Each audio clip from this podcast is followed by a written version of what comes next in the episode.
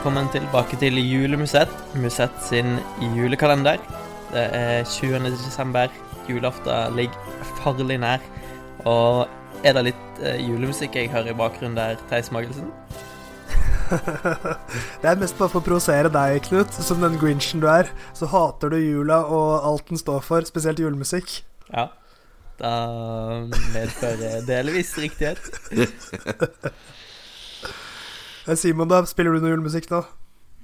Eh, nei, ikke akkurat nå, men eh, jeg, unner meg noen slager en gang iblant. Ja, Hvis du skulle satt på din favorittlåt for å provosere Knut Låne ekstra, hva ville, hva ville du satt på? Uff. Eh, nei, jeg er alltid veldig svak for eh, For 'Deilig er jorden', selv om du for så vidt også kan argumentere for at det ikke er en ren julesang, da, men eh, for, meg, for, meg, er det en julesang, så da ja. sier jeg det. Blir du provosert over det valget, Knut? Nei, det var mitt valg òg, da, så hva, hva, hvis jeg smekker 'Driving Home for Christmas' med Chris Ria i trynet ditt? Hva sier du da, Knut? Altså, den er jo ikke helt krise, da. Oi. Så hva, hva er det du hater med jula, da? Nei, det er jo at det bare blir altfor masse. Ja, overtenning. Ja. ja. Og så hele tida, liksom Når Last Christmas går 15 ganger i løpet av dagen, da liksom åh. Jeg har mer problemer med Mariah Carey, den 'All I Want for Christmas Is You'. Ja, det har jeg forstått. Men jeg har stor respekt for henne som artist. Fordi Tenk så fett hun kan leve på dette. Bare royalties fra, jul, fra desember. Jeg vet på at hun kan leve fett på det ut livet sitt. Ja, garantert. Vi, vi får satse på at vår julekalender her, Julemuseet, slår an i like stor grad. At folk hører på denne år etter år. det blir både slipp av album og vinyl på, på nyåret. Nei, men uh, det tror jeg vel egentlig ikke, siden det er en kåring inni kalenderen òg. Så da får vi åpne neste luke.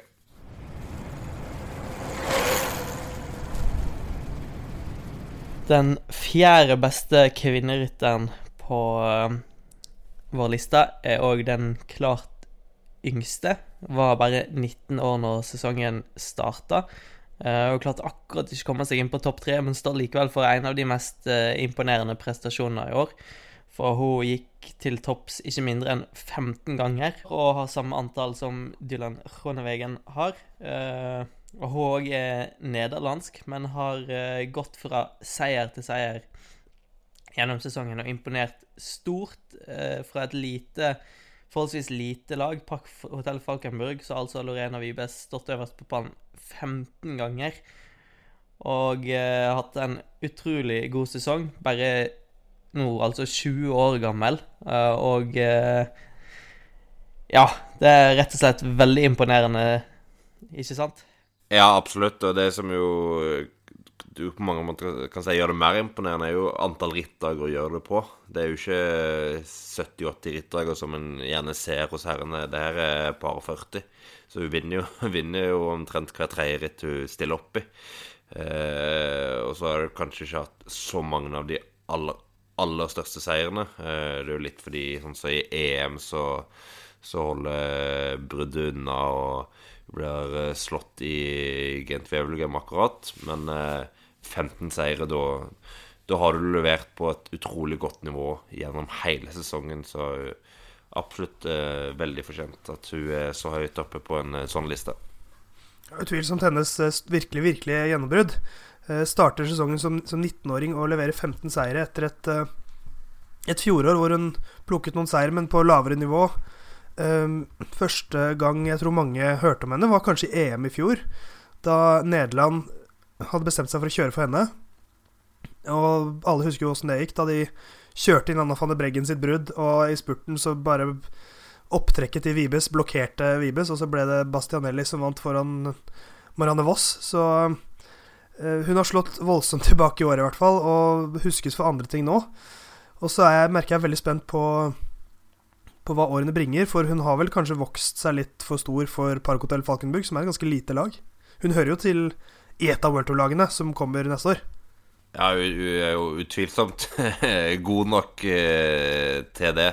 Eh, men hun har jo en lang kontrakt da med Parkhotell Falkenburg. Men eh, den var vel ut 2021-sesongen. Eh, men Det ryktes jo at du Eller hun har bekrefta òg at eh, gjerne ønsker seg eh, over til et eh, annet lag. Og det har jo vært flere lag som har vært interessert, så du skal ikke se vekk fra at du kjører for et annet lag i 2020.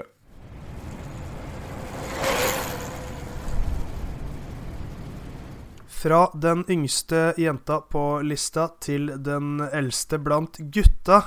Eh, En evig ung kar havner eh, rett utenfor eh, podiet, på femteplass. Alejandro Valverde. Han må med i sånne kåringer, han også. Topp ti minst hvert eneste år, føler jeg. Og, det mest imponerende han gjør i år, er kanskje ikke de aller største seierne, men det er hvor helt sinnssykt stabil han er. Eh, høydepunktet, kanskje, vil mange si, er etappeseieren i Vuelta i Spania. Opp uh, stupbrattet Master La Costa kommer han eh, til mål sammen med Roglic, eh, Miguel Ángel Lopez og Nairo Quintana. Og han tar vel fronten med ganske mange 100-200-300 meter igjen. Holder den helt i mål. På, eh, på en sånn måte som vi har sett han gjøre i sånne type avslutninger. Gang på gang på gang. Så blir, eh, blir det ikke seier til slutt. Primoz Roglic er urokkelig, men andreplassen i Vuelta Spania er ganske typisk for Valverde i år. Han vinner ikke det helt store, men han er veldig, veldig nære å vinne veldig mye stort. Og det er sånn typisk Valverde. Ja, han legger jo som alltid et uh, godt år bak seg. Uh, hans første podieplassering i en Grand Tour siden uh, Giro d'Italia i 2016, så det er jo òg nok alltid viktig for Valverde sjøl å vise at han fremdeles kan. Han hadde jo òg en niendeplass i, i Tour de France, hvor uh, Movistar uh, la han en frekk uh, trippel i, i uh, topp ti med åttende, nei, sy- sjette, åttende og niendeplass.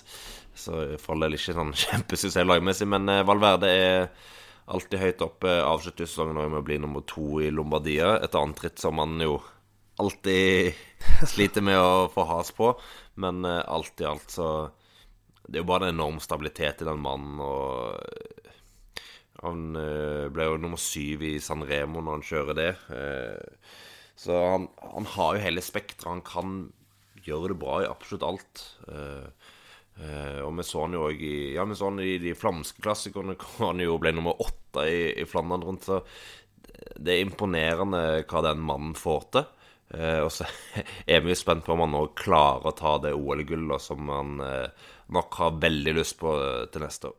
Ja, det var utrolig fascinerende hvor godt nivå han fortsatt holder. Eh, Han blir litt stang ut i Ardennene med noen skader og sånt, men at han prøver seg i Flandern og prøver seg i, i San Remo, det viser jo at han er at han fortsatt er sulten og har lyst til å, å fortsette å utvikle seg som syklist. Ja, det er det, er, det, det, det spekteret han har, som er så vanvittig imponerende. Ikke bare når man tenker på hvor gammel han faktisk er. Han fyller 40 neste år. Men eh, han, han holder Han er aldri dårlig Han er aldri i dårlig form. Med mindre det er skader eller sykdom, så er han aldri i dårlig form. Og han kan levere i Flandern, i, i, i Grand Tours, i eh, høstklassikerne. Altså, det er, det er et Han er et unikt sykkeltalent. eh, og så er han jo polariserende, selvfølgelig. Men, eh, men det han får til på sykkelen, det er bare å ta av seg hjelmen for det, altså.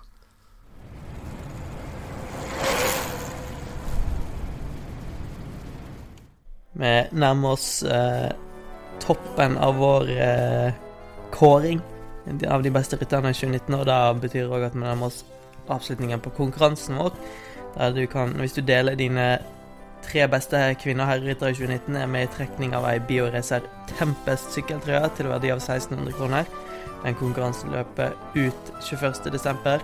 Du deler de lister på enten Facebook, Twitter eller e-post post at procycling.no er adressa, og så er du med i trekninga. Og så er vi straks tilbake med en ny luke.